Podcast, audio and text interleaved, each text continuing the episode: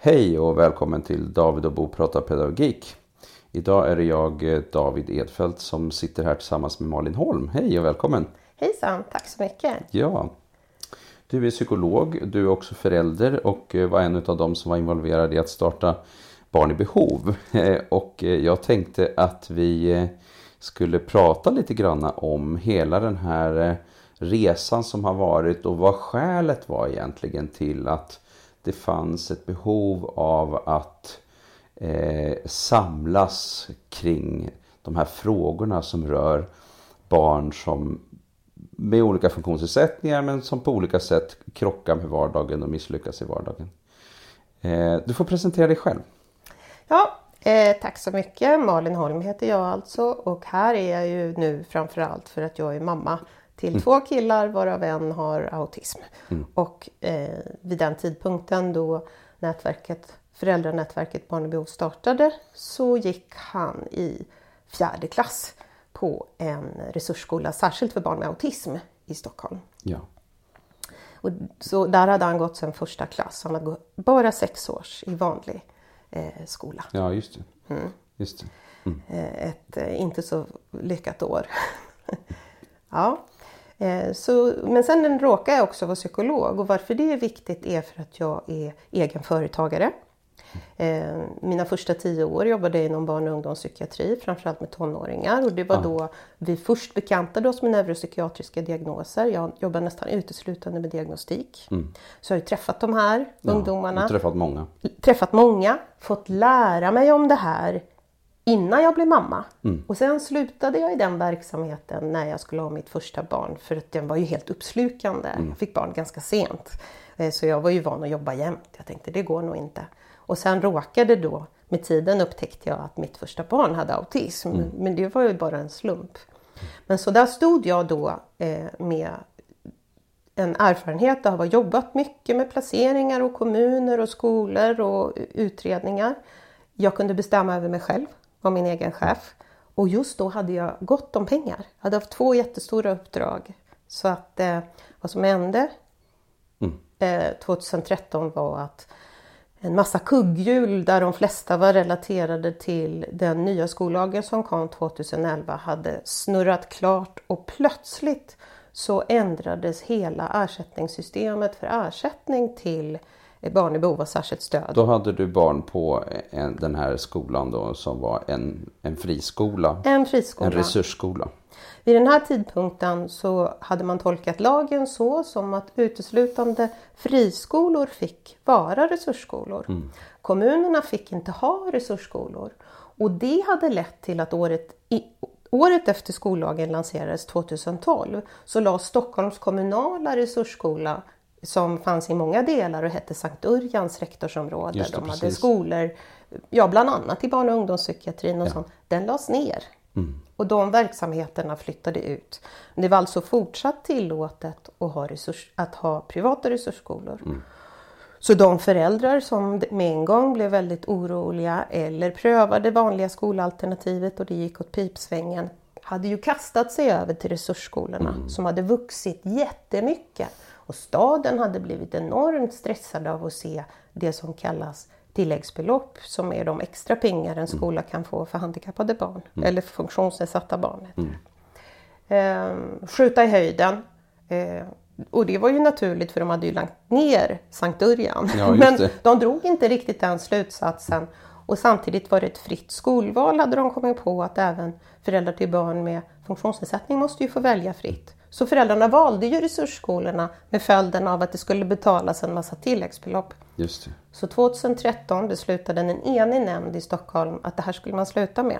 Mm. Under en treårsperiod. Bara rakt av liksom? Rakt utan av. överföring? Under en eh. treårsperiod så skulle pengarna omfördelas till att gå in i den vanliga skolpengen som då skulle ökas med motsvarande. Mm. Och så var tanken att då skulle också alla barn gå i vanliga skolan. Mm. Eh, och, och, så skulle vanliga skolan kunna hantera det med den här extra pengen. Framför sig lyfte man en enda skola i Sverige som menade att de hade klarat av det här. Det hette Nossebroskolan mm. och det hade forskats en del på den. Det. Och det hade ju varit ett omfattande arbete mm. för att få Nossebroskolan att göra det här. Mm. Men i Stockholm skulle det liksom gå för att några hade åkt på studiebesök till Boston och så var det det. Hade man egentligen gjort någon eh, rigorös plan eller konsekvensanalys av det här beslutet? Ingen alls. Ingen alls? Ingen konsekvensanalys överhuvudtaget. Mm. Det fanns en, en, en, en lång, sedan lång tid tillbaka en vision och en idé och en, så att säga, man hade förbundit sig utifrån det som kallas för Salamanca-deklarationen. Mm. Att, man som, att Sverige skulle verka för en ökad inkludering. Mm. Och många hade ju tröttnat på att det här aldrig hände. Och tanken, tänker jag, så här har jag förstått det, att med den nya skollagen så tänkte man nu får det bli verkstad. Nu gör vi det här bara. För det var tydligt för oss att både Skolinspektionen och Skolverket och SPSM var helt med på noterna. Nu ska barnen in i skolan mm. och så får skolan utvecklas och lära sig att eh, alla barn ska kunna gå här. Eh, vi ska ha en skola för alla. Och det var egentligen också ett resultat utav Lgr 11 eh, mm. där skrivningarna förändrades. Vad var det egentligen för skrivningar som, som förändrades så att man liksom rörde sig i riktning och tänkte man skulle röra sig i riktning mot att inte ha de här mindre undervisningsgrupper och så vidare? Det som står är, det står ganska lite, men det som står är att barn ska endast i, alltså inte exakt, Nej. men barn ska endast i undantagsfall mm. eh, inte undervisas i sin ordinarie undervisningsgrupp. Mm. Och det betyder också att de ska eh, göra det under så kort tid som möjligt. Och det man hade sett var ju att om barn flyttades till en särskild undervisningsgrupp så fanns det en tendens att man aldrig mer kom tillbaka till sin ordinarie mm. klass. Därför vill man inte ha separata kommunala skolor. För då var ju chansen ännu mindre att man kom tillbaka. Mm. Utan man ville ha det här. Men det uppfattades över Sverige och jag vill säga att det lanserades med skolmyndigheternas goda minne, fast de inte säger det men vi har ju twittrat och vi har varit på mm. Facebook, jag vet vad de har sagt, att det i princip inte längre var tillåtet att ha särskilda undervisningsgrupper. För kommunerna? Mm. Eh, och man också, framför allt så prånglar man stenhårt ut att elever uppnår sämre resultat i särskilda undervisningsgrupper. Ja, och då finns det pedagogisk forskning som har visat på det och det har jag funderat lite på. Hur, hur hur har den forskningen gjorts? För det känns väl ganska givet att elever som går i särskilda undervisningsgrupper kan ha en tendens att prestera sämre eftersom de ju har det så svårt som de har det många ja, gånger. Det är ju en viktig del. Eh, men är det någon som verkligen har djuplodat i det här och som man kan läsa mycket så är det Linda Jensen som mm. har skrivit. Men hon, så mycket av det jag kan har Linda ja. antingen skickat referenser eller förklarat för mig. Men dels så är det så att den forskningen är inte på barn med autism. Nej. Utan den forskningen är framförallt barn med intellektuell funktionsnedsättning. För mm. det är sant att det blir mindre stimulans i en grupp där alla har eh, intellektuell funktionsnedsättning där du kanske inte har samma problem med att hantera den sociala situationen eller sånt. Då blir det, det uppstår mer stimulans när du går tillsammans med eh, kamrater som har högre eh, intellektuell kognitiv funktionsförmåga. Mm. Så den, och då så drog man liksom alla över en kam. För är det några som det här inte har visat sig stämma på så är det ju just då mm. barn med autism och det har ju att göra med att andra saker eh, mm. blir till hinder. Själva miljöfaktorerna och, och svårigheterna att hantera, i synnerhet för små barn. Mm. Det blir nästan väldigt mycket överväldigande reaktioner bara. Ja, alltså överhuvudtaget den här eh, känsligheten för ljud och ljus och mm. alla människor och alla mm. de sociala interaktionerna. Mm. Att inte det är anpassat. Mm. Eh, mm. att förutsägbarheten är så låg, att det bara händer saker mm. hela tiden. Och vid en vanlig skola händer det ju jättemycket. Hela tiden. Ja. Det är ju sant att vanliga skolan i den här resan har utvecklats mer till att förstå betydelsen av, förstå vet jag inte, men åtminstone känna till betydelsen av struktur. Och, mm. Men den hade ju vanliga skolan frångått i hög utsträckning därför att man såg det som ett uttryck för eh, för mycket disciplin. Mm. Och att det för ett barn så att säga hade, har ju fått ett fantastiskt ansvar i skolan för att mer söka sin kunskap och ta ansvar för sitt lärande. Så det hade ju gjort skolan till en mycket svårare plats för, för elever med NPF. Precis. Ja. ja precis. Mm. Så att det är många situationer, många faktorer som har samverkat. Men det gjorde ju att en skola som hade en helt annan idé om pedagogik och samvaro och, och i skolan och vad som är lärande. Alltså enormt fokus ligger ju i lärandesituationen på eh, också bland lärare, kollegialt lärande. Lärandet ska vara så att säga eh, inom ramen för kommunikation. Det. så det blir alldeles extra svårt mm. eh, för barn som behöver veta exakt vad, när och hur. Och mm. kanske inte samtidigt kan fokusera på att kommunicera och lära. Det går mm. inte. Eh, så utan förberedelse så, så, skulle de barnen in i skolan. Eh, och så var tanken lite sådär att parallellt så skedde det en utveckling där väldigt mycket ansvar lades på skolledarna. Mm. Det var också Lgr 11, att man delegerade ut ansvaret och det var skolledarens ansvar att se till att resurserna räckte och hur man mm. ville fördela och sånt och ingen skulle lägga sig i eh, skolornas enskilda arbete särskilt mycket. Så det betyder att den här monumentala förändringen med ansvar för så många barn i behov av väldigt speciellt stöd lades på, på rektorerna. På rektorerna som mm. inte har någon utbildning eller kännedom rent generellt om, om vad det här innebar. Och jag tänker att rektorerna också egentligen i sin tur delvis, fast de inte kan ta bort hela ansvaret, men så lägger de ju också ner ansvar på lärarna i sin ja. tur som behövde kompetens. Och kompetensen har visat sig vara hyfsat låg kan man väl ändå säga kring, kanske just specifikt kring autism men även NPF överhuvudtaget. Det som försvårade var ju att hela den här inkluderingsiven, mm. eller iven ska jag inte säga, men inkluderingsvisionen, den är väldigt nära förbunden med att man inte ska benämna funktionsnedsättningar. Mm. För att det ska, så att på något sätt så skulle lärarna kunna göra det här utan att heller ha till hjälp någon typ av kartläggning Nej. eller funktionskartläggning eller få veta något om det här barnet. Superparadoxalt eftersom samtidigt så får skolor pengar på att elever har diagnoser. Mm. Så hela det där systemet... Vilket man egentligen inte ska behöva ha enligt skollagen för Nej. att få pengar. Enligt skollagen är det tvärsom sagt så att det ska, man, det ska man verkligen inte, men kommunerna ger fortfarande pengar på det och det har man inte mm. löst än. Nej. Det är inte löst ännu. Eh, och det betyder att å ena sidan måste du nästan skriva upp barnets svårigheter för att få pengar. Mm. Men å andra sidan så, så får du inte analysera nej. svårigheterna. En annan stor svårighet var att i det här nya systemet när man så att säga delegerade väldigt mycket ansvar så är det faktum att ansvaret för uppföljning delegerades till föräldrarna. Mm. Skolinspektionen fick en mycket större roll det var också något nytt att man delade upp skolmyndigheterna. Jag vet inte riktigt när det Men vad skedde. menar du med föräldrarna där? Föräldrarna skulle anmäla till Skolinspektionen om inte stödet var tillräckligt. Mm. Det var hela idén. Mm. Alltså det är det sämsta feedbacksystemet någon någonsin har hittat på. Mm. Så man tryckte bara ner det här ut till slut till att bli föräldern som ska anmäla skolan som har ditt barn. Mm. Så det redan är jättesvårt att få dem Alltså, men inte alls överens om stödet. Eller, och du kan tänka dig många föräldrar gick in och var vana att argumentera för sina barns behov. Man har ja. fått liksom översätta och överbrygga i åratal och kommer in och hamrar på om diagnos. Och så har du skolan som tycker att det där är att eh, ska vi inte prata så mycket om. Vad heter det? Stigmatisera. Ja, ja, Och det finns också forskning som säger att om en lärare känner till att en elev mm. har en, ett, ett, en svårighet så så förväntar man sig mindre. Och så tänkte man att genom att inte säga någonting så skulle alla barn få eh, förvänt rätt förväntningar ställda på, eller ja. inte få för låga förväntningar Nej, ställda på sig. Mm. Mm. Du kan ju förstå, det var ju bäddat för katastrof och det är ja. ju precis vad som hände.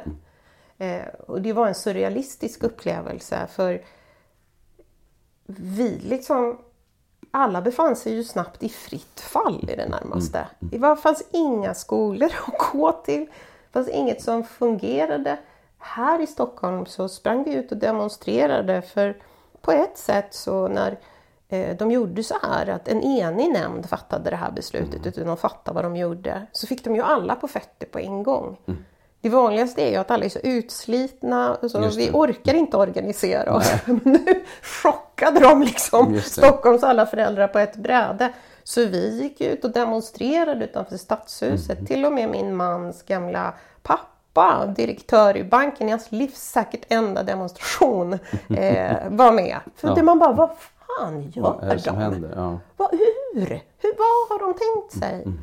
Det fanns ju föräldrar som hade kämpat i åratal för att komma in på Sankt Örjan, så lades den ner. Så kämpar man för att komma in på resursskola. Så Och sen läggs, ska den Ja, läggas ner. alltså det var helt brutalt. Och de förstod ju inte ens vad de gjorde. Om man bara backar lite grann till, till eh, skrivningarna också i, i Lgr 11. Eh, min spontana känsla är ju att man har ju inte tänkt särskilt mycket på den här gruppen elever när man skrev, skrev den, den eh, läroplanen. Alltså man har skrivit väldigt fint och tänkt så här att skolan, vi vet ju det, portalparagraf i skolan ska vara kompensatorisk. Och, så, och så sa man så här att alla elever ska nå kraven och om man inte gör det så ska man få särskilt stöd.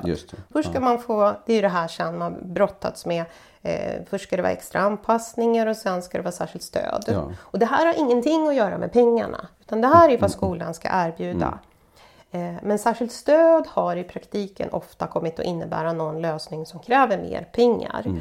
Och i början så skulle man göra åtgärdsprogram för alla elever som behövde särskilt stöd. Om de inte nådde kraven så skulle man göra ett åtgärdsprogram för att liksom se hur ska stödet se ut och hur går det. Då blev det jättemånga åtgärdsprogram så sen ändrades till att det behövdes inte för särskilda anpassningar, för extra anpassningar, Nej, de skulle bara ske.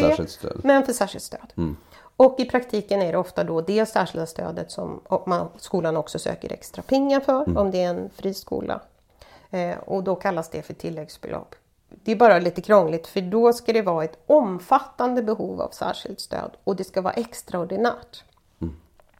Men eftersom det här blev en stor fråga och det här hör till då, eftersom det här blev en stor fråga så kastar sig ju liksom kommuner och friskolor över den här lagstiftningen för att se men hur mycket särskilt stöd kan vi få och när kan vi få det och så.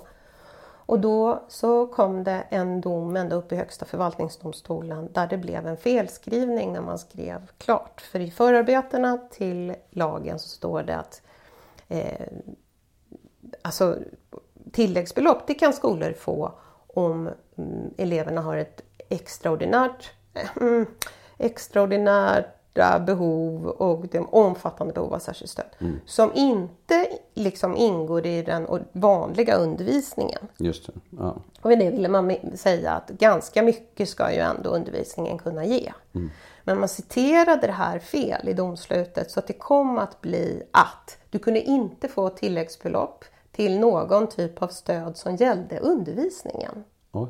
Du kunde bara få eh, tilläggsbelopp för stöd utanför undervisningen. Hiss, hjälp att gå på toaletten. Du Oj. förstår? Så, Så, alla blev våra... domslutet. Ja, det blev så. Och man citerade fel. Det var verkligen felaktigt. Ja, det är felaktigt. Helt ofattbart. Och det drog vi sen till Almedalen 2014. Det här nätverket som då startade som jag kan berätta mer om. Och hade monter en hel vecka för att ändra skollagen. Vi kämpade som tokiga för det här. 2016 gick det igenom en ändring. Och många kommuner har fortfarande inte uppmärksammat den ändringen. Stockholms stad har fortfarande rekommenderat i sina skrivningar någonting från Kommunförbundet där det fortfarande står att tilläggsbelopp gäller inte den vanliga undervisningen. Går du ut och frågar i kommunerna så kommer de att säga nej men tilläggsbelopp, det gäller inte, gäller inte Så undervisningssituationen. de har missat hela den, den lagförändringen som sen kom. Ja, Eller Eller? vill inte se den. eller vill inte se den. Man ser väl vad man vill se, tänker jag. Men den är ändrad 2016. Just det där att, att äh, ja, Och när kom domslutet? 2012. Okej, så i fyra, under fyra års tid så var det den här eh, hårda Ja, linjen. Och Ja. nu är den i lag, lagmässigt eh, ändrad, Ändrad. Men, men i praktiken är det fortfarande ganska mycket som det Ja. då. Mm. Sen är det ju jättesvårt, jag menar det står ju ingenstans hur stort ett tilläggsbelopp ska vara. Nej. Men det där, alltså det är så mycket konstigheter. Det finns också någon powerpoint från Stockholms stad som ligger ute på nätet där det, de har tagit en bild från Skolverket med den här vanliga triangeln där det är eh, vanlig undervisning. Pyramid. Ja, pyramiden. Mm, och så har de lagt delar. på en pytteliten pyramid överst där det står särskilt stöd. Mhm. För att visa liksom att det här är extremt, nej, där det står tilläggsbelopp. Mm, För att visa att det är extremt och så ser det ut som att den kommer från Skolverket, vilket den naturligtvis inte gör. Skolverket har ingenting att göra med hur kommunerna Mm. fördelar pengar. Alltså att enormt mycket energi går åt till sånt här. Ja. Och väldigt lite går åt till den faktiska situationen i skolan. Utan det är ju, och det blev ju en slags ohelig allians mellan de som ville att vi skulle ha inkludering av ideologiska skäl och kommunerna såg en möjlighet att inte behöva betala så mycket för de här undervisningsgrupperna. Vad hände då just i den här eh, perioden när ni, med just det här med tilläggsbelopp i Stockholm när ni gick ut och demonstrerade? Blev det någon ändring just då tillfälligt? Så här blev det. Vi gick ut och demonstrerade, det var jättedramatiskt. Lotta Edholm som då var skolborgarråd och eh, även finansborgarrådet gick ut och sa oj oj oj, vi har nog inte eh, vad de nu sa att de inte hade informerat tillräckligt eller vad det är. Vi ger mer pengar. Och så gav de mer pengar och vår resursskola överlevde. Det skulle den inte ha gjort annat. Det blev väldigt mycket en ekonomisk fråga. Därför att de hade ju dragit bort alla tilläggsbelopp och det är ju kanske tre gånger skolpengen. Så det är ju helt avgörande. Eh, men vi såg ju, eller jag tänkte så här, ja fast de har ju inte ändrat något i sak. Okej, vi fick mer pengar nu. Så var det. Så det kändes som att det var en tillfällig grej? Det kändes som att det var en tillfällig grej. Det var en jättekonstig känsla minns jag. Från att det hade varit fullt. Vi startade som sagt, det som skedde var att eh, vår, vår skol, eh, hon som ägde våran skola ringde oss en vecka före skolstart och berättade vi får inga pengar. Det, vi får tillbaka våra tilläggsbeloppsansökningar nu vid skolstart. Vi har bara fått en tredjedel och det är hälften eller ingenting alls. Jag har ringt de andra i stan och det är samma överallt. Det står noll Oj. i ansökningarna. Eh, vi måste träffas. Och så träffades vi och TV var där och det var väldigt så här, vad kan vi göra? Och då så var det en mamma som sa vi måste organisera oss. Så vi startade en Facebookgrupp som då hette Resursskoleföräldrar och som på två dygn fick 600 medlemmar. Eh, och så drog vi igång demonstrationen och allt det här hände. Men sen, sen började vi tänka så här, men vad var det som hände? Vad är det som har hänt? Vad hände nu? Vi fick de här pengarna, skolan kunde överleva och ja, någon skola tror jag fick stänga. Och, ja, det var jättedramatiskt. För i Stockholm gick 75 procent av alla barn i behov av särskilt stöd, omfattande behov av särskilt stöd, på resursskola. Så alla blev ju utan Ja. skolplats. Jättemånga. Men då var det liksom, då hade alla gått hem. Det var helt tyst inne på nätverket, ingen aktivitet alls. Jag vet, det var så fruktansvärt ödsligt kändes det. Och det var bara så här, men vad är det som har hänt? Och vad kommer att hända nu? Så då började jag att eh, forska i det här. Och jag gjorde det, jag försökte skriva svar på en remiss. För nya skollagen hade gått ut på remiss. Och vem som helst kan ju lägga remissvar. Eh, Så då skrev jag ett jättelångt remissvar och förklarade varför, varför det här var helt åt fanders som de hade tänkt. Och jag kan ju säga att det var väl kanske ingen som läste det, men det gjorde jag i alla fall. Och eh, förstod att vi måste ändra lagen. Så länge lagen ser ut så här så spelar det Vad ingen roll var vad det i lagen som du kände behövde Det var förändras? den här förvaltningsdomen som för att när en, en, förva- en högsta förvaltningsdomstol vinner laga kraft, då är den lagen. Så nu stod det ju i lagen att tilläggsbelopp är inget man kan få för behov i undervisningen. Nej. Eh, Det betyder alla våra barn fanns det inga tilläggsbelopp för, så det spelar ingen roll. Det finns ju ingen garanti för kommuner gör lite som de vill. Eh, Men, men ändå, på det här sättet så, så kunde de ju hela tiden, och det gjorde de också, de berättade ju för varandra, ni behöver inte ge, behöver inte ge några, behöver inte ge några tilläggsbelopp för de här barnen. Just det. Så då så eh, bestämde vi oss för att vi skulle ha kampanj i Almedalen. Jo, det andra vi upptäckte var att när vi gick utanför Stockholm så såg vi exakt likadant ut i hela landet. Precis, alltså det var helt bisarrt. Hade andra kommuner tagit samma beslut Andra kommuner hade tagit samma beslut. Men det var inte bara pengarna utan det var också det här generella, vi ska inte ha några särskilda undervisningsgrupper. Så alla särskilda undervisningsgrupper drogs in på ett Och hur bräde. kunde det bli över hela landet på ett bräde? Då måste det ha varit någon, någon slags aktivitet. Skolmyndigheterna ville ha det så här. Drev det så? Mm. Okej.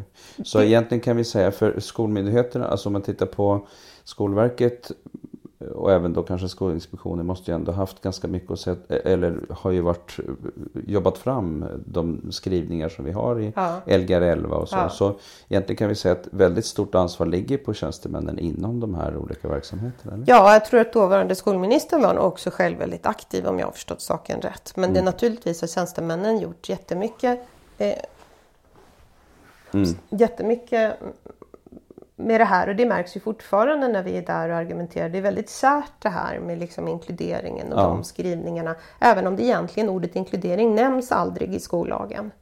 Utan det står ju det här med att man så lite som möjligt, alltså mesta möjliga utsträckning ska undervisas i sin ordinarie undervisningsgrupp. Ja, Men vid den här tidpunkten så kom det fram eh, en, en privat aktör som hette IFOS. Mm de hade bland annat den här tidningen, eller har fortfarande Skolporten eller något. Och de, hade, de har då att de har kommuner och andra aktörer som medlemmar och så, så säger man att man, det är medlemmars önskemål vad man ska forska på mm. eller man liksom samlar in forskning eller sådär. Det är lite oklart vilka medlemmar och så.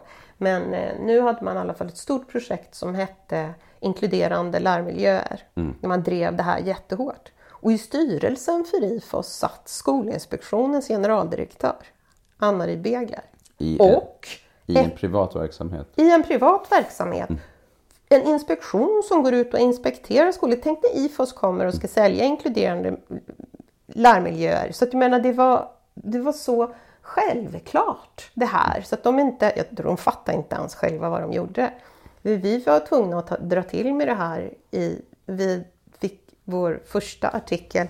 För vi började att försöka, vi var jätteaktiva på olika sätt. Vi organiserade oss i grupper, vi hade en opinionsgrupp och vi hade en politikergrupp och vi hade först i Stockholm och sen över hela landet. Mm. Vi begärde ut varenda beslut från skolförvaltningen och de var ju nollade i förväg.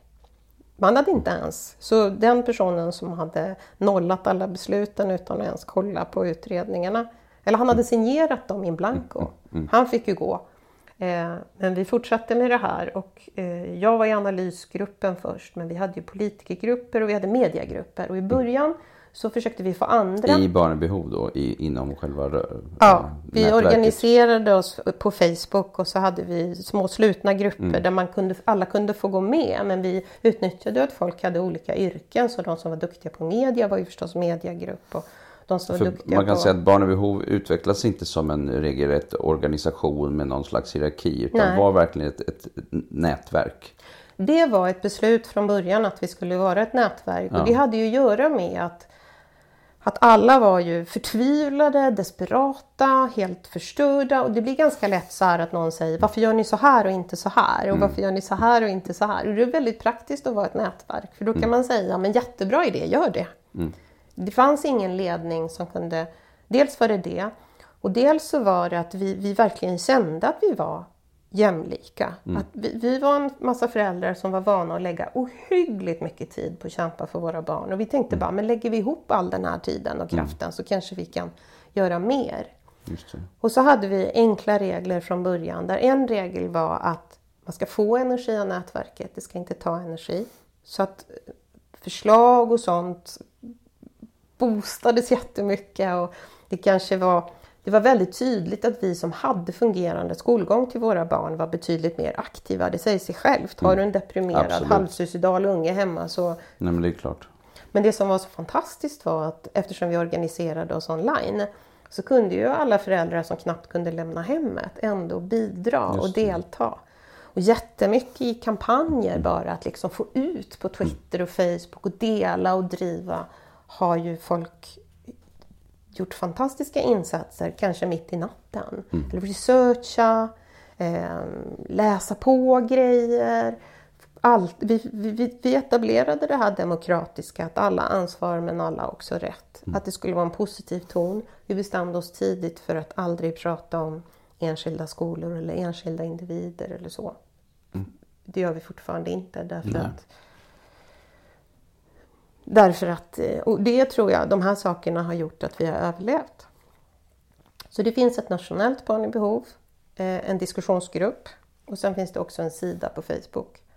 Alltså allt är på Facebook. Att det, det fortfarande finns kvar. Och så finns det lokala Mm. grupper. Som ibland startas det nya lokala grupper, ibland så tynar de av lite. Mm. De lokala grupperna är ju väldigt relaterade till kanske att verksamhet är hotad eller någonting. Mm. Men sen samtidigt så pågår hela tiden nationella barn i behov.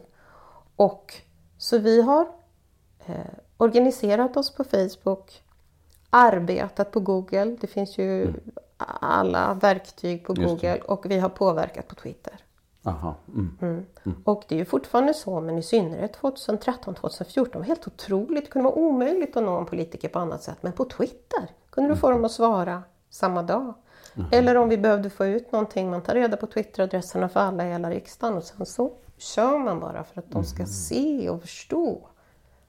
För vi var ju inte organiserade någonstans. Inga politiska partier kände till den här frågan. För det är inga föräldrar som har tid att sitta i politiskt arbete om du har barn med funktionsnedsättning hemma. Nej, precis. Utan de flesta har inte ens tid att gå. De har inte längre något jobb.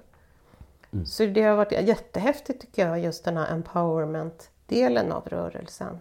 Att liksom kunna stärka alla, även en helt dissad mamma. För det är ju trots allt väldigt ofta mammor, Mycket men mammor. inte bara Nej, precis. i Vännäs. Där hela kommunen vet att det är henne det är fel på.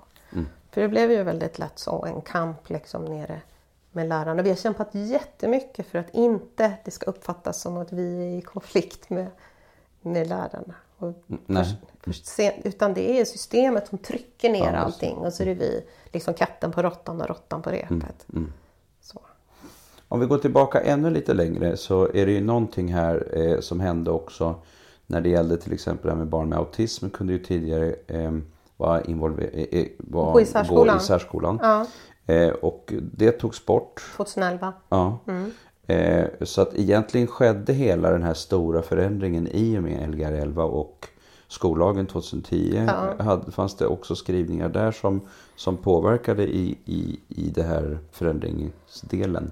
Då kan inte skollagen längre baka än den senaste. Nej. Nej. Eh, Men, men du har ju helt rätt i att de stora förändringar som bidrog till det här var ju dels att särskolan sa ifrån och sa att nu får väl alla barn med autism undervisas där de hör hemma. Vi tar hand om dem som De till som har- särskolan. Ja, precis, intellektuell ni- ja. funktionsnedsättning. Och det lät ju rimligt. Och så att man tog bort särskilda undervisning, alltså att, man, att, att det var så tydligt uttalat att det skulle inte bedrivas någon undervisning bortanför den egna undervisningsgruppen. Eh, alltså klassen. Eh, Hela och, så, och så förändringen med ersättningarna. Mm. Eh, så. Men de är ju ändå väldigt kommunala fast de styrdes utav, utav ändå politiska beslut ovanifrån. Ja, så man kan säga att hela inkluderingsidén var ju... Hela idén om en skola för alla var ju jättefast förankrad. Och det var kanske den främsta anledningen till att vi aldrig blev en organisation, nu när du påminner mig. Det var ju som att svära i kyrkan och säga att det här inte fungerade. Det var ju bara halleluja och alla do good eh, organisationer i samhället som liksom står på de svaga sida sa ju utan att blinka, nej men det är klart att vi är för inkludering, det är det demokratiska. Så de enda som egentligen kunde gå ut och säga det går åt helvete, det var ju föräldrarna. För ingen kunde ju säga att vi inte ville våra barns bästa. Nej. Men det var, då kunde ju kommunerna samtidigt kanske göra besparingar.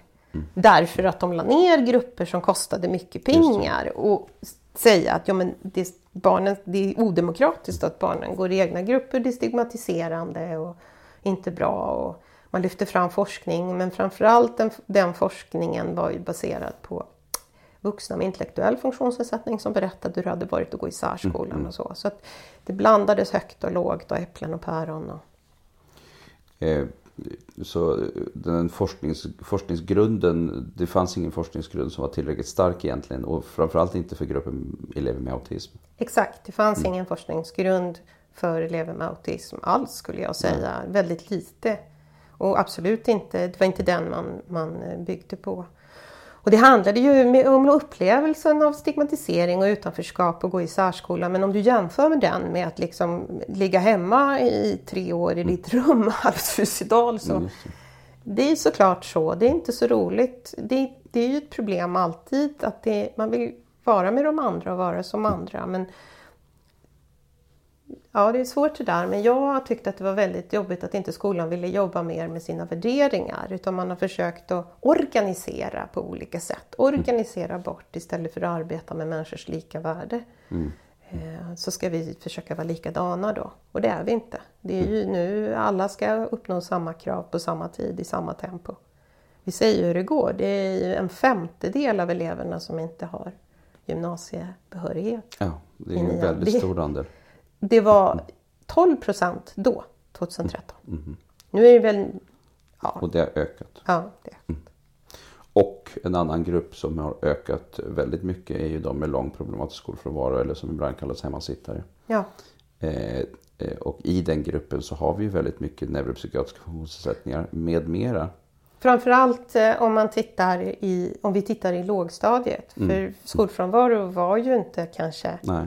Eh, särskilt vanligt precis i lågstadiet. Jag kommer ihåg att träffa Lena Hallengren som då var eh, ordförande i utbildningsutskottet i riksdagen. Vi skulle också intervjua i Almedalen året mm. därpå, var det 2015. Och då vet jag att hon stod och sa, ja vi pratar väl ändå inte om eh, lågstadiet. Jag fick ta hennes pressekreterare mm. åt sidan och säga, säg att hon inte säger sådär, för det är precis vad vi gör. Mm. Vi pratar om lågstadiet nu. Och då pratar vi om barn med autism, så ja. är det ju. Mm. Just det. Så att eh, ibland, jag vet att jag gick och tänkte att autism, det här är en grupp som de kommer få be om ursäkt offentligt sådär. Om 25 år kommer mm. man gå ut och säga förlåt, förlåt. Mm. Eh, för eh, egentligen kan man säga då att det, det råder en total brist på konsekvensanalys. Det råder någon slags visionär idé om vad man så att säga skulle vilja åstadkomma i samhället. Mm. Eh, idén om, om inkludering och, och, att man inte ska känna... Och det låter ju... Alltså, det är svårt att säga, vi kan ju inte heller säga att vi, aldrig ska, att vi inte ska ha inkludering. Därför att inkludering, om vi tittar i ett slags stort perspektiv så är det ju alltid en gradfråga. Är det liksom 1%, är det 2%, är det 4%, är det 8%? Mm. Alltså om man tänker oss plus att man egentligen eh, pratar om inkludering utifrån ett annat perspektiv. Nämligen eh, alltså att, att man kan vara exkluderad från en klass, det vill säga gå i en annan klass. Men man kan känna sig inkluderad i det sammanhanget. Och vad är då inkludering och vad är exkludering? Så att man har börjat så att säga problematisera begreppet mm. inkludering mm. också. Mm. Vad, vad, tänker du om, om, om, om det på senare tid om man tittar i, i diskussionerna? Ser man något av den där problematiseringen? Jag tycker att det stora problemet är att eh, de som talar om det mer visionära mm. tar inget ansvar för genomförandet. Nej. Och de som har ansvar för genomförandet, som ska betala och organisera, det är några helt andra. Mm. Det är klart att vi kan ha en inkluderande skola med, med tillräckligt med Eh, med tillräckligt med resurser, med tillräckligt små enheter, med rätt lokaler, rätt utbildning, ett ständigt pågående arbete med värderingar. Du vet, plocka upp barn i tid. Klart vi skulle kunna ha, men det är en enorm satsning. Ja, för jag tänker också att eh, eh, jag har uppfattat att eh, inkludering är egentligen inte någonting som kostar mindre pengar utan möjligen kostar mer pengar. Men, men i, ett, i så att säga, ett demokratiskt samhälle så borde man kunna göra den satsningen också ja. i en, en, en, ett samhälle som ändå har en hel del pengar. Framförallt så kommer det att kosta mer pengar än vad någon har räknat med i ett övergångsskede. Och det är ju mm. ett, en feltanke. De trodde de kunde bara flytta pengarna från det ena den ena formen till den andra. Mm. Men i ett övergångsskede får du ju både betala för gamla synder. Du behöver du både betala eh, vad ska jag säga, retroaktivt till de som det redan har gått dåligt för. Och så får du betala proaktivt för att du vill ha en förändring. Mm. Så det blir ju den här under en tid när du bygger upp. Nu mm. så tänkte man att vi bygger upp med eleverna på plats. Mm. Och då var tanken, alltså jag har ju hört nästan, inte riktigt sagt med de orden, men, men Skolinspektionens dåvarande chef mm. eh, säga att, eh, till oss att ja, men alltså om föräldrarna anmäler då blir det ju bättre för nästa. Det vill säga en variant av faktiskt att ska man göra en omelett får man ju krossa några ägg. Och sen har det dessutom inte gått som de tänkte sig utan istället så får vi bara ökande, ökande, ökande andel hemmasittande barn. Mm. Därför att det är inte så rakt och enkelt att föräldrar anmäler och så kommer Skolinspektionen in och sen så kan plötsligt skolan hantera eh, eh, elever med autism och så allt frid och fröjd. Så att det är ju en, en, en, en, en ganska dramatisk Alltså det finns ju något Feltanke. väldigt eh, eh, repressivt i anmälningsförfarandet också tänker jag. Det är inte uppbyggligt eh, relationellt heller. Inte ett och, dugg. Nej, och jag tänker att där är också någonting som händer då när man lägger över på att föräldrar ska anmäla. Därför att mm, mot, eller vad ska man säga, skolan har ju ibland reagerat med att då anmäla tillbaka till socialtjänsten. Och det här verkar ju ha ökat och då har det ju snarare blivit nästan krigföring på något sätt. Ja, och det säger sig självt eh, nästan att det blir så. Inte varje gång men, men väldigt ofta. Så det är ju den här anmälningshetsen blir det ju. Eller vad ska jag säga, inte hets men det blir, det blir något slags ord som Men det är en slags och- organisation som man har byggt upp. Man har tänkt sig att det är så här det ska Mm. Ja. funka. Och När också- föräldrarna inte är nöjda så ska de anmäla och Mm. när de anmäler så ska skolan rätta till felen. Eh, när Skolinspektionen kommer och hytter med näven och spökar med hela Ja, handen. och dels så fungerar inte det därför vad Skolinspektionen kan göra det är att de kan genomföra en inspektion och då tittar de oftast på att alla papper är i ordning och alla papper är i ordning. Det har vi ju haft lite generellt i samhället att det är jättemycket fokus på att alla papper är i ordning, alla dokument finns men det kanske inte sker så kanske himla inte mycket i praktiken. Nej. Så den situationen har vi ju där. Det är ett för långt avstånd. Ja. Eh, och, sen som du säger så anmäls ju också föräldrar. Det är helt otroligt. Det finns föräldrar som har liksom det har blivit där väldigt olyckligt att den här jätteviktiga lagstiftningen där vi väldigt liksom direkt ska anmäla om vi är rädda att barn far illa har plötsligt blivit en väg Därför att det heter att om barn inte kommer till skolan då tänker man sig att det är en social anledning till Ja, det, det. eller det är någonting hemma som gör att de inte kommer till skolan. Då ska Så man- anmäla det. Så, så man eh, bötfäller föräldrarna då. Mm, och så kan man bötfälla föräldrarna. Det är föräldrarnas enda skyldighet egentligen att se till att barnet Mm. kommer till skolan. Men om det är skolan som gör barnet sjukt, Ja. Mm. om barnet far så illa i skolan att de blir... Det är ju, man kan säga att det är utbrända barnen blir. Ja, det var det jag också Mm. funderat över det där begreppet. För att vi pratar ju om utbrändhet när det gäller vuxna och man går in i väggen. Ja. Och stresssymptom Ja. och så vidare. Man kan fundera på, och jag vet inte, det här är ett område, jag var på någon konferens för ett tag sedan där det pratades om, om, om det här när det gällde vuxna och gick fram och frågade en av forskarna där kring det här. Men, men eh, man skulle vilja se mer forskning kring, kring det när det gäller barn eh, och elever. Mm, mm, Eh, verkligen.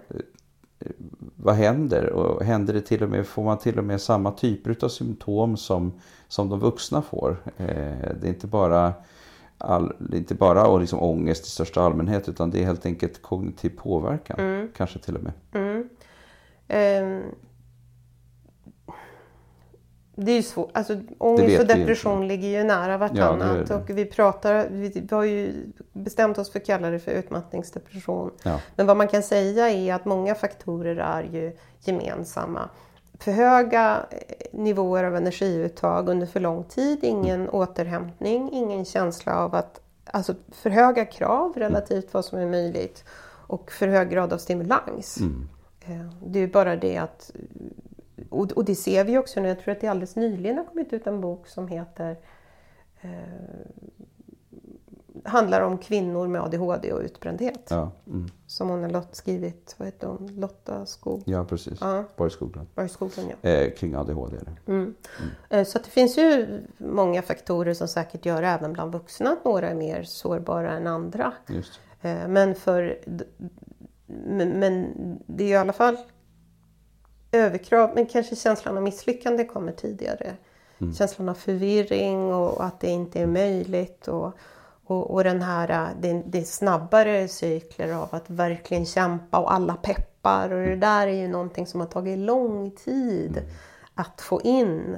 Att det inte är motivationen som fattas. Nej. Som man peppar och peppar och motiverar och motiverar och barnen försöker och försöker och så blir det ju så plattfall.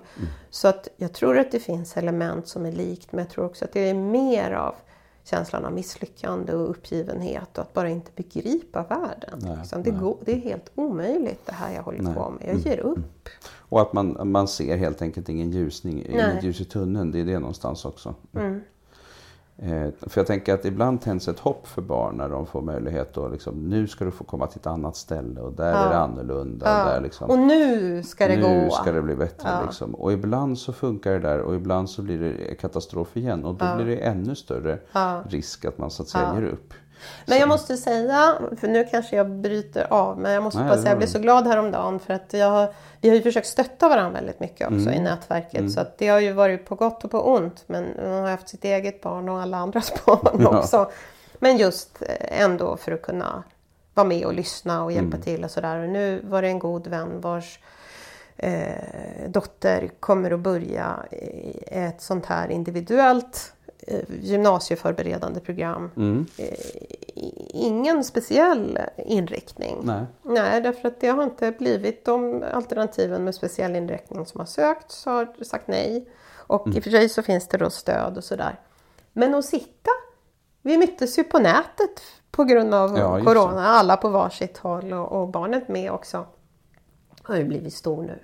Eh, och så höra den här ansvarig för det individuella programmet och ansvarig på kommunen ställa superintelligenta frågor, spot on, drog ner våra förväntningar apropå det vi pratade om. Ja men är det där kanske ändå lite mycket? Är det inte bättre att vi börjar? Alltså att man får acceptera det här. Vi pratar en eller två timmar, en eller två gånger i veckan. Ja, här det. skolgången har inte funkat på många år. Nej. Och just flickor också som blir missförstådda Mm. längre och ofta kämpar så hemskt länge. Och så. Men det var Att jätteroligt. det fanns de, stor, en stor förståelse från de här Förståelse tjänstemännen. och kunskap. Ja, och kunskap. de visste vad skulle Mm. kunna funka. Vi, vi kom snabbt in på att prata realistiska lösningar. Ja.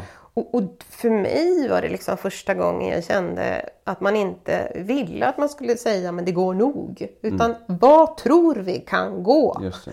Vad behövs det? En, Ja. en, en, en rejäl, eh, vad ska man säga, eh, ordentligt fundamental placering i det här med att vi får ta ett steg i taget, vi får ta det långsamt, vi får se, vi måste utvärdera. Alltså Och vi förstår Mm. vad det är som inte fungerar. Och vi förstår vad det betyder nu att vi dels har det som inte fungerar och så har vi dessutom år av misslyckanden. Mm, just det, Mm. Och det här med hoppet och hoppet som grusas så många gånger. Och att vi har det att handskas med också. Mm, Så det är klart att det hade ju inte kanske behövt se ut så här om det inte också hade varit alla de här. Nej, och det här är ju en del i det som vi kan se som ljusnar lite. Finns det något om vi tittar på det jobb som görs, eh, man håller på att titta över skrivningarna när det gäller kraven i skolan, alltså mål, målformuleringar. Eh, det är ett arbete som förs där. Jag vet att barnebehov har, har, åtminstone vissa individer har varit involverade. En eh, mamma från nätverket har drivit ett fantastiskt arbete med att samla ihop en superprofessionell grupp. Bland annat Gunilla är med. Karlssonkalendern. Ja, av eh, professorer och eh, rektorer och kunniga människor som har ingått i en grupp. Skolverket har ju träffat många olika grupper för att försöka titta på eh, kraven. Eh, och de kan ju inte ändra strukturen men däremot titta på innehållet och det är väl kanske framförallt godkänt kravet som vi har tittat på. Och hur det ska vara mer möjligt att nå Just det. också om du har eh, större svårigheter. Den här så kallade pysparagrafen har ju också diskuterats mycket när det gäller betygssättningen. Och man har hävdat att eh, ja, men den, den kan man använda sig av, den är viktig. Men samtidigt så är det också vissa som säger ja men det ska ju inte vara kopplat till kunskapskraven. Eh, och eh, har du fått någon slags känsla för hur den här diskussionen har, ser ut idag? Eller hur det har Jag vet påverkat? inte hur diskussionen riktigt ser ut idag men jag vet ju hur den sett ut på min sons skola. Mm. Och det är ju så att han gick ju på den här eh, resursskolan som var uteslutande för elever med alla har en autismdiagnos, kanske de har fler diagnoser. Eh, och de var väldigt kunniga om just det men de var också väldigt medvetna och i synnerhet efter 2013 att de hade ögonen på sig så de har ju varit livrädda att sätta några som helst ens i närheten av något som kan kallas glädjebetyg. Så det var ett jädrigt stränga betyg på den skolan. Och de har väldigt tydligt förstått pysparagrafen som att det här, den kan uteslutande gälla för sånt som du inte kan göra. Och med våra elever, är våra barn är det ju så att ibland kan man. Eller under vissa omständigheter, extra leverans. Bo tror jag brukar säga att ja, Kajsa Bergqvist kan man säga att hon kan hoppa 2,10. Ja, hon har gjort det. Men kan, kan hon det nu? Nej, just det. Men så blir det. Så funkar pysparagrafen. Att det här måste vara något som, nej men jag har inga ben, alltså kan jag inte springa. Okej, då går du pysa bort det. Men det går inte att säga som mitt barn kommer aldrig att få betyg i gymnastik. För det är många det här med måste man verkligen ha simning? Kan aldrig få betyg i idrott för att simning, det går inte. Nej. Eh, och då kan man säga, skulle, det, skulle man kunna säga att det är jättetypiskt för barn med autism att det kommer inte gå med koordination och vatt, alla de här sakerna. Men det är inte omöjligt att simma. Och eftersom det inte är omöjligt så kan du inte pysa. Kan man inte pysa? Nej. Nej. Mm. Så är den och jag har inte hört någon diskussion om man tänker ändra det. Men så i alla fall har jag förstått att pysparagrafen. För det är ett stort problem som ju också nu finns eh, överhuvudtaget i betygssystemet och det är en mycket, mycket större fråga som vi inte ska fördjupa oss i så mycket. Men det är ju överhuvudtaget den här idén om att om F, alltså problematiken med F. Att eh, E är hyfsat högt ställt när det gäller många barn med autism. Åtminstone inom vissa områden, och olika för olika elever. Det är högt ställt. Om man tittar rent i meritvärden så är F 0, Ja, E är 10 och A är 20. Det Ja, betyder precis. alltså att det är lika långt mellan F och E ja, som mellan E och A. Och Eller ju du skulle kunna säga att det saknas skalsteg. Mm. Det saknas skalsteg för nästan godkänd eller sådär. Utan vi blir...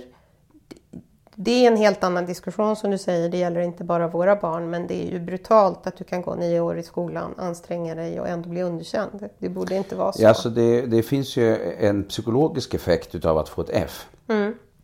Eh, och det är ju, kom, känner jag att jag har en möjlighet att få E eller Ja. känner jag att jag inte har en möjlighet att få E. Om jag inte känner att jag har en möjlighet att få E, då lägger man ju av. Eh, och det måste ju drabba den här gruppen elever i mycket större utsträckning. än Ja. andra.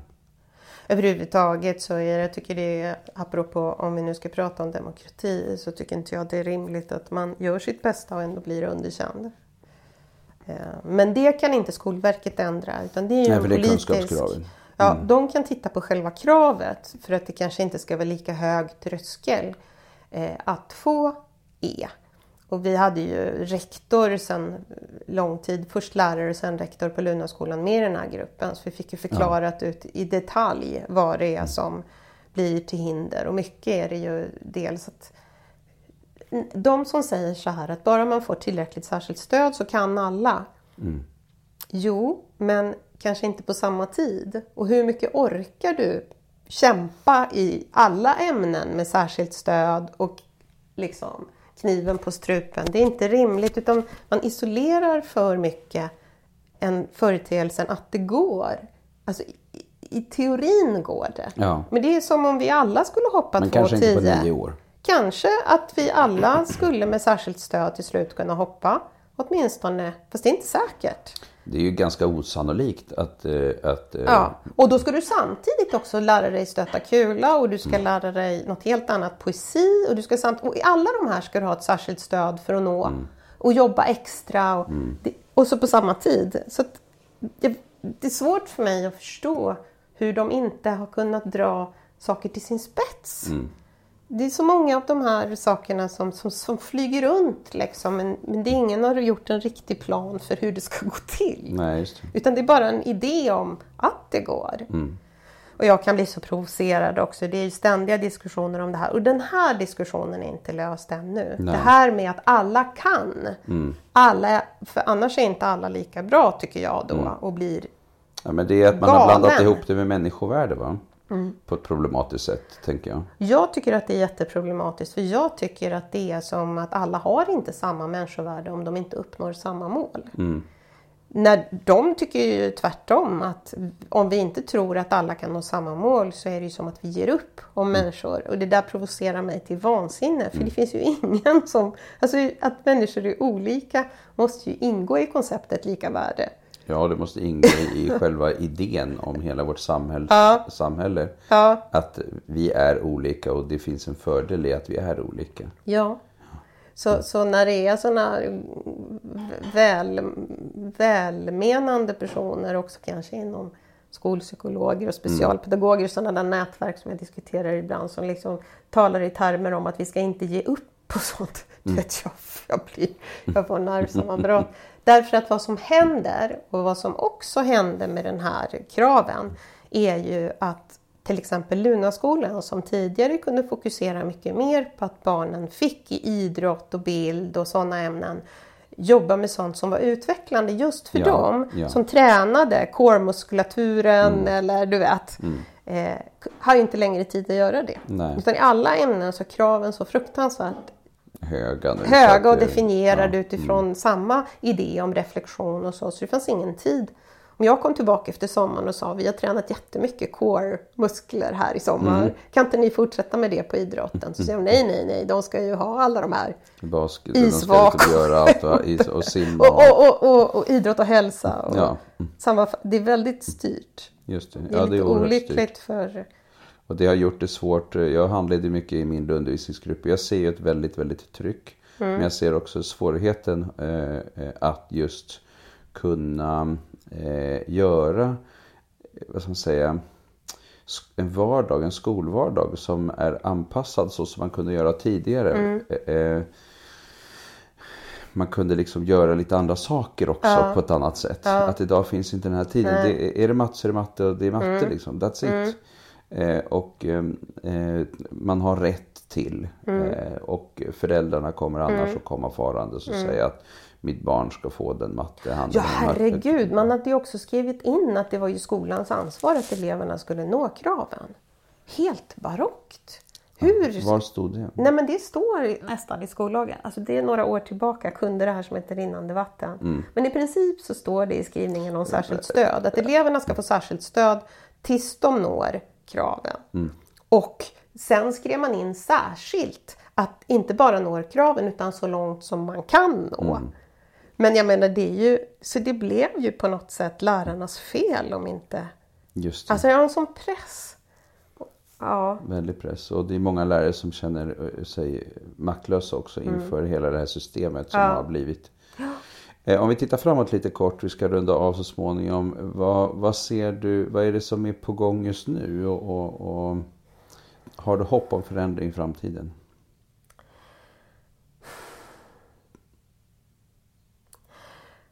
Jag måste ju ha hopp på så vis att kunskaperna är ju på något sätt högre. Medvetandet är ju högre ändå på något vis om att eh, miljön spelar roll. Eh, vikten av struktur och så. Samtidigt så går det inte att komma ifrån att skolan som helhet har jättestora problem och, och som vi ser väldigt ojämlikt och så har vi uppfattat det hela tiden. Det är som ett lotteri. Det finns ju skolor som du kan få ett gott stöd och sen så är det skolor som ja, katastrof. Så eftersom skolan som helhet verkar ha så stora problem och där har vi då lärarbristen som är jättestor. Ehm, och, det och utbildningarna har fortfarande inte hängt med riktigt. Det, De har 7,5 högskolepoängs eh, specialpedagogik. Det ska också ofta ske på typ fyra veckor. Mm. Eh, den är bred.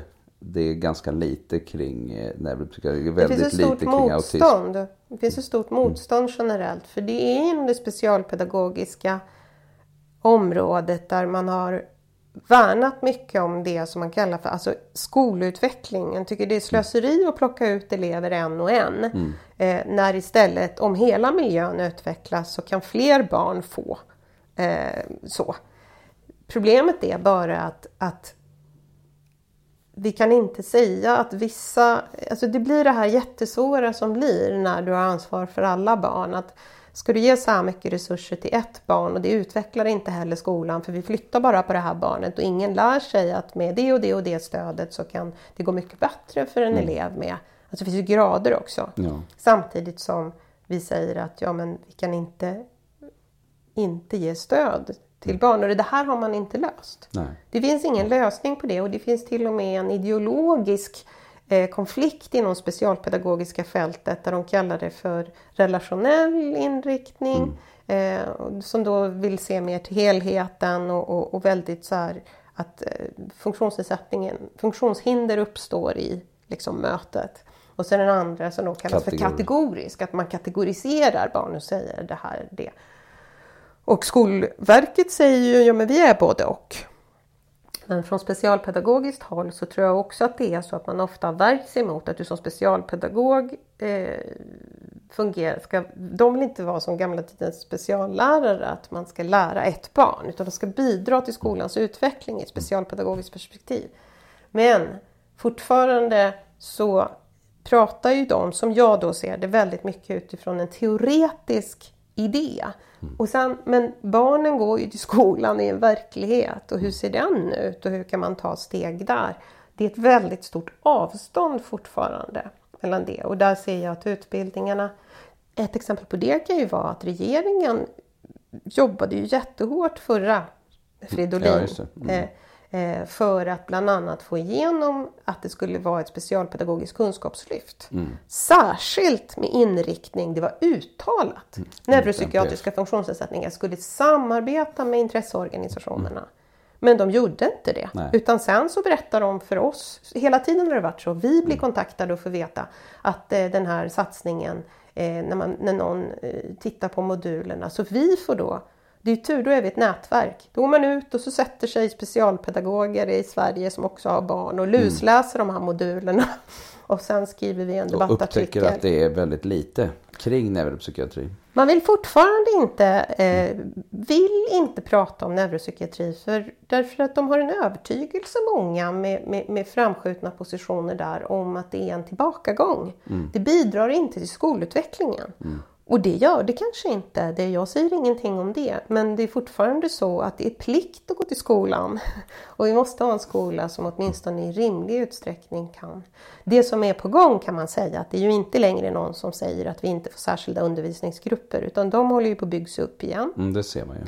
Eh, det är också så att jag tror från utredningshåll där de tittar på varför det är så många elever som inte når kraven så tittar man på mer de kommunala möjligheterna till, till att ha resursskolor. Det var ju sagt, i lagen tolkades ju först som att kommuner inte fick ha resursskolor.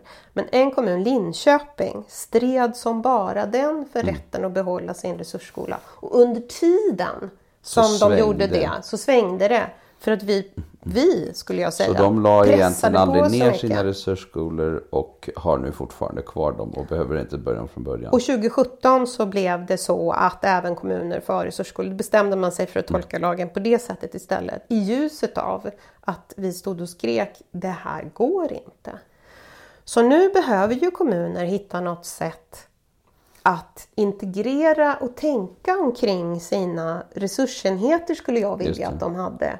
Som att de, det som var resursskolor, för jag tänkte alltid med Lunaskolan, varför kommer inte vanliga skolan hit och tittar? Varför är inte ni ute och handleder och mm. berättar?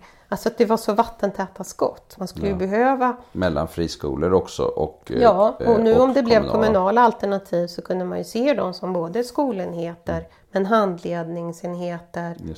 Du skulle ju slippa mycket misstänksamhet om, om du var handledare mm. från resursenheten Eh, i en klass och kanske kommer mycket idéer om hur Gertrud skulle kunna få hjälp. Mm. Den dagen som man ser att men det räcker inte, då skulle ju du och den här läraren vara jätteöverens. Mm. Istället för som nu så kanske läraren upplever att de har gjort allt som står i deras makt och så blir det ändå nej. Du ska försöka lite till och så mm. mm. går det två, tre år och så, så där håller man på. På samma sätt när eleven ska tillbaka så kan man ju hänga med. Mm på ett helt annat sätt och känner eleven och så. Så det tycker jag de skulle rita på men jag tror inte att det finns något arbete på det här ute i kommunerna. Nej, en utmaning är ju att eh, så länge det finns ett alternativ i den vanliga klassen och den vanliga klassläraren att så att säga den här eleven borde egentligen gå någon annanstans. Mm. Så eh, minskar ju det samtidigt också incitamentet för den här läraren med den vanliga klassen att, att utbilda sig och vidareutbilda sig väl inom området. För ja. att på något sätt är det lättare att bli av med eleven. Ja men alltså därför att de är under sån enorm press. Ja. Om man tittar på idén, ja, men de kan ju ha, om tanken genomförs som det är, då kan de ha ett barn med synnedsättning och CP-skada och någon vars mamma har dött. Och mm. Det är ju saker händer och två det är stora ADHD, klasser, två ja, barn med ADHD mm. och ett barn som krisar. Mm. Alltså det, som jag ser det, det är helt orimligt. Mm. Eh, det borde finnas man borde ha mycket mer flexibla stödsystem. Nu, Nu har de istället någonting som kallas för flexgrupper tror jag. Men det där tror jag variant. inte så mycket på för barn med har lite autism. varianter på det där, vad, Mm. vad de kallas. Men de har den här flexibiliteten, det vill säga att man kan komma dit vissa lektioner eller Mm. när man behöver behov utav det och så vidare. Men det är som du säger, för barn med autism så behövs det mycket mera mindre sammanhang. Ofta det finns den här eh, perceptuella, eh, sensoriska liksom, överkänsligheten väldigt ofta som påverkar. Och det är många faktorer. Det roliga ha- när man hänger med ett nätverk så här, det är ju att man får känna inte bara sitt barn utan Nej, många barn. många. Och även har ju mitt barn gått i klasser alltid. Mm. Och det som vi ser är ju att de mognar senare. Mm. Alltså någonstans 16-17 år. Då är det plötsligt bara, vad fan är det som händer? Mm. Plötsligt så går det att höra Plötsligt så kommer barnet tillbaka och reflekterar och talar om för dig hur du är också. Och har idéer på lösningar och sånt. Jag tror helt enkelt att deras utmaningar kognitivt, perceptuellt, overload, att sinnena inte samarbetar gör att många saker tar längre tid. Och nu pratar vi också framförallt kanske om eh, eh, autism när det inte samtidigt är intellektuell funktionsnedsättning. Ja, men kanske även Mm. då även också. Mm. skulle jag säga. Så det som vi hade svårt för i början till exempel när det är tilläggsbelopp det är att förklara att det är de små barnen som kostar mest. Ja. Därför är det de små barnen där det bara blir kaos Mm. liksom. För att det kommer en katt. Och du kan inte ändra på det. Nej. Det är så. Du får bara gilla läget liksom. Ja. Eh, för det är som en dator, av eller på liksom. Mm. När det är krasch, då är det krasch. Medan de större barnen har ju liksom kommit mer i kapp och Mm. kan själva ofta ha liksom lösningar. Och, Mm. I alla fall, nu har det varit så mycket inblandning. Om, men, men i själva verket är de flesta helt normalanknutna barn som Mm. vill att det ska funka. Och bara de har en möjlighet att förstå så försöker de ju också bidra. Jag menar om jag ser på mitt eget barn de två senaste åren. När han äntligen har kunnat förklara för mig. eh, Saker och ting som Ah. inte alls kunde Nej. förklaras tidigare. Nej. Så att vi kan hitta lösningar som... Mm. Då går det ju att hitta massa lösningar. Klart vi har hittat lösningar förut men jag har fått gissa mycket. Liksom. Nu, nu kan jag, Men jag tänker säga. det som händer är att eh, hela den här idén med att man ska prata ett barn till rätta Mm. bygger också på att, eller prata med ett barn för att hitta lösningar, bygger också på att det är möjligt att kunna ha den typen av samtal. Ja, Och för vissa barn så är det svårt att ha de typen av samtal när de är små. ja, Och, eh, eh, och barnet behöver ju själv så att säga ofta göra jobbet Ja. om man så att säga tänker sig att man ska liksom, få till en förändring. Så att det man gör med små barn får man, får man det blir väldigt mycket anpassningar runt omkring istället. och egentligen vet Och det Mm. alla där, det. det är där vi är. Ja, jag Ja, men alltså alla vet, man har en förhoppning om att alla Nej men vet. så här, för jag undervisar på polisen om neuropsykiatriska Mm. funktionsnedsättningar och nästan alla vet det om de har en tvååring. Ja, Om tvååringen ballar ur Mm. eh, tio i sex när ni fortfarande är på stan, då tänker du helvete att Just jag inte var hemma till middagen och Nej. inte hade mat. Du börjar inte diskutera Nej, med den där tvååringen. Du trycker i den någonting. Och det är självklart. för man du, lägger på sig själv. Ja, du lägger det på dig själv. Egentligen är det ganska mycket det tänket Just man det. måste ha mycket längre. Ja, mycket längre. Men de flesta har det ju. Helt självklart. Helt det som är självklart fel är förväntningarna. Absolut. Ja. Men instinkten finns ju hos oss Ja. alla. Det gäller bara som när de här lär, de, jag berättade om den här kvinnan från kommunen och den här ansvarig för programmet. De har Mm. precis förstått. Nu har de förstått. Okej, då lägger de förväntningarna rätt. Då kan de säga, men det där är nog för mycket att börja med det. Det som är så svårt är att det syns inte på våra barn. Man tänker, och så blir vi också lärda att det är motivationen det är fel på. Vi ska sätta gränser och vara stränga eller övertala eller peppa. Det där livsfarliga peppandet. Som om de inte redan försökte. För allt de är värda liksom. Men Just det. när vi får förväntningarna rätt så är det inte så svårt. Men då är det ju svårare för lärarna att de har inte tid och inte resurser. De är, det är ju helt orimligt det de ska göra, tycker jag. Så det är verkligen en kombination av väldigt många olika typer av faktorer. Mm. Avslutningsvis, eh, Barn i behov finns fortfarande kvar som ett nätverk. Eh, är det några Vi har eh, nya- specifika saker som man jobbar med just nu? Nej, alltså det är ju ett nätverk. Och det betyder att vi är en, en plattform för att mötas. Ja, Så att det är ju nya som tar stafettpinnen. Jag jobbade Alltså jag jobbade mig nästan sjuk. Vi hade också två, när vi kom på att det var i kommunerna som skolan görs så hade vi, drog vi inte bara ett utan två riksdagsseminarier för att försöka få kommunala människor att vilja komma till riksdagen. Mm. Alltså andra riksdagsseminariet där tror jag, jag vet inte hur många hjärnceller jag brände. För det var ju, allt det här var ideellt arbete. Mm. Så andra tar över och det är ju nu är det nya strider igen. Det kommer bara nästa vecka tror jag fattas det beslut om ersättningssystemen i Stockholm och det är ju liksom sällan till vår fördel och nu finns det nya fantastiska personer som sitter och lusläser alla dokument och sånt. Men vi kan ses där och vi har mm. mycket ackumulerad kunskap. Ja. Eh, men det kommer nya, jag sitter fortfarande med i admingruppen för sidan. Eh, och jag godkänner en eller två om dagen mm. som går med. Och då har vi frågor ökad... nu. Ja, då är det så här. Eh, hur hittar du nätverket? Varför är du intresserad? Och godkänner du? Bla bla bla. Mm. Och då är det ju med, i ökad utsträckning kanske pedagoger som också vill gå med. Ja, okay. Mm. Och i ökad utsträckning kan de ha fått höra om oss på allt ifrån SOS till utbildningar ja. eller så. Ja, mm. På TV eller mm. en artikel. Men jättemånga är ju för att de har ett eget barn som inte går till skolan, ja. som har en PF-problematik, som de kämpar för varje dag. Mm. Det är helt otroligt. Helt otroligt. Mm. Men jag tror att skolan som helhet har så stora problem. Man har holkat ur för mycket och trott att elever ska kunna driva sig själva i lite för hög utsträckning mm. och så. Jag har ju ett barn som, ja, jag har ett barn som klarar de här höga kraven och visst, det blir ju fantastiskt. Mm.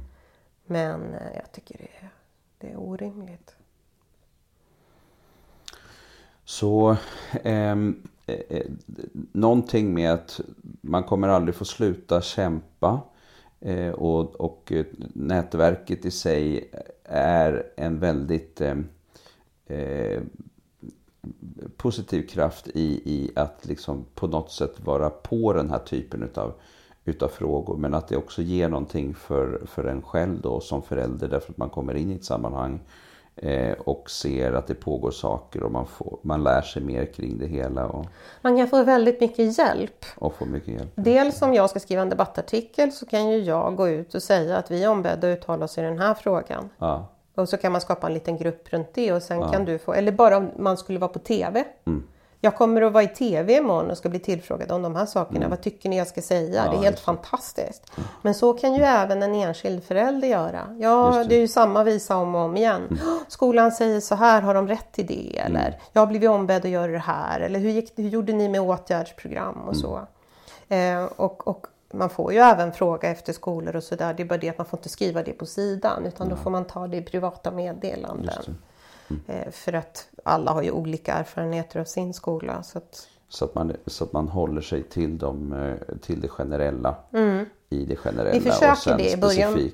Ja. början var vi jättestränga med att vi är ett, ett nätverk för aktivism och eh, empowerment och inget nätverk för att prata om våra barn. Det finns Nej. andra nätverk mm. för det. Ja. Men vi är inte så stränga längre. Nej. Men vi mm. försöker ändå visa på det är ändå kunskapsspridningen jättemycket. Just det. Oh.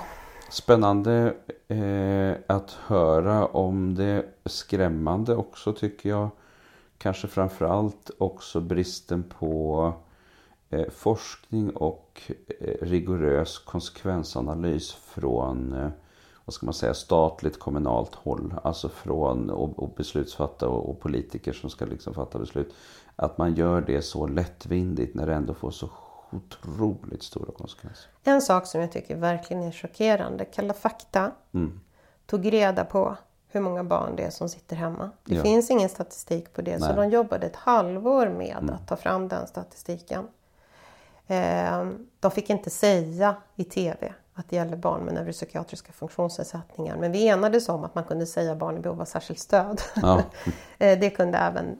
Och de kom fram till att det är minst 5500 barn. Mm. Autism och Aspergerförbundet Attention gör liknande enkätundersökningar. Och det blir inte en krusning på vattenytan. Mm.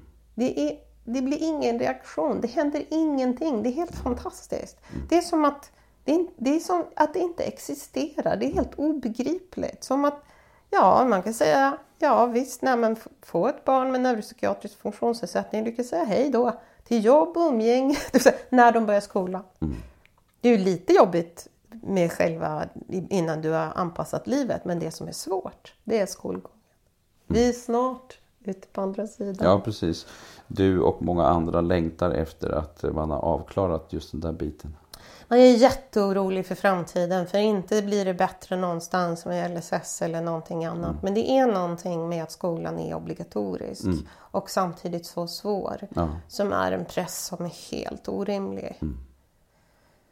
Att, att, att, att vara tvingad och med hot om vite. Att slä, alltså det är föräldrar som släpar sina gråtande mm. barn bara för att efter en timme bli uppringda och säga nu får du komma och hämta. Du mm. får komma och hämta, när han fått utbrott här. Kom och mm. hämta honom nu. Du kan inte sköta ett jobb. Nej. Fler relationer spricker. Om man tänker i Det måste Sverige. finnas en enorm, eh, förutom det personliga och känslomässiga och liksom psykiska lidandet så måste det också finnas en stor, riktigt stor samhällskostnad här. Ja. Det är orimligt. Men det jag blir så här, tänker vi har tappat greppet på något mm. sätt. Det behövs ett väldigt omfattande och långsiktigt arbete för att få tillbaka greppet. Mm. Och om det är för det är så uppsplittrat också nu på så många enheter. Dels alla kommuner som ska göra skola och sen alla privata aktörer. Mm, mm. Det är liksom så plottrigt så att... Mm. Så naturligtvis finns det ljuspunkter överallt. Men om man ska se till positiva exempel så är det ju förskräckande ofta samma exempel som kommer mm. igen och igen och igen. Så någon stor uppsjö av goda exempel tycker jag inte att det verkar som det finns. Det är nog liksom samma. Källbringsskolan och vad de nu heter. Som man säger igen och igen. Det är det vi skulle behöva alltså? Mm. Fler goda exempel? Ja, det spred sig. Ska vi avrunda där? Ja, vi får göra det. Tack så jättemycket för Tack att du var med. Tack så mycket själv. Tack.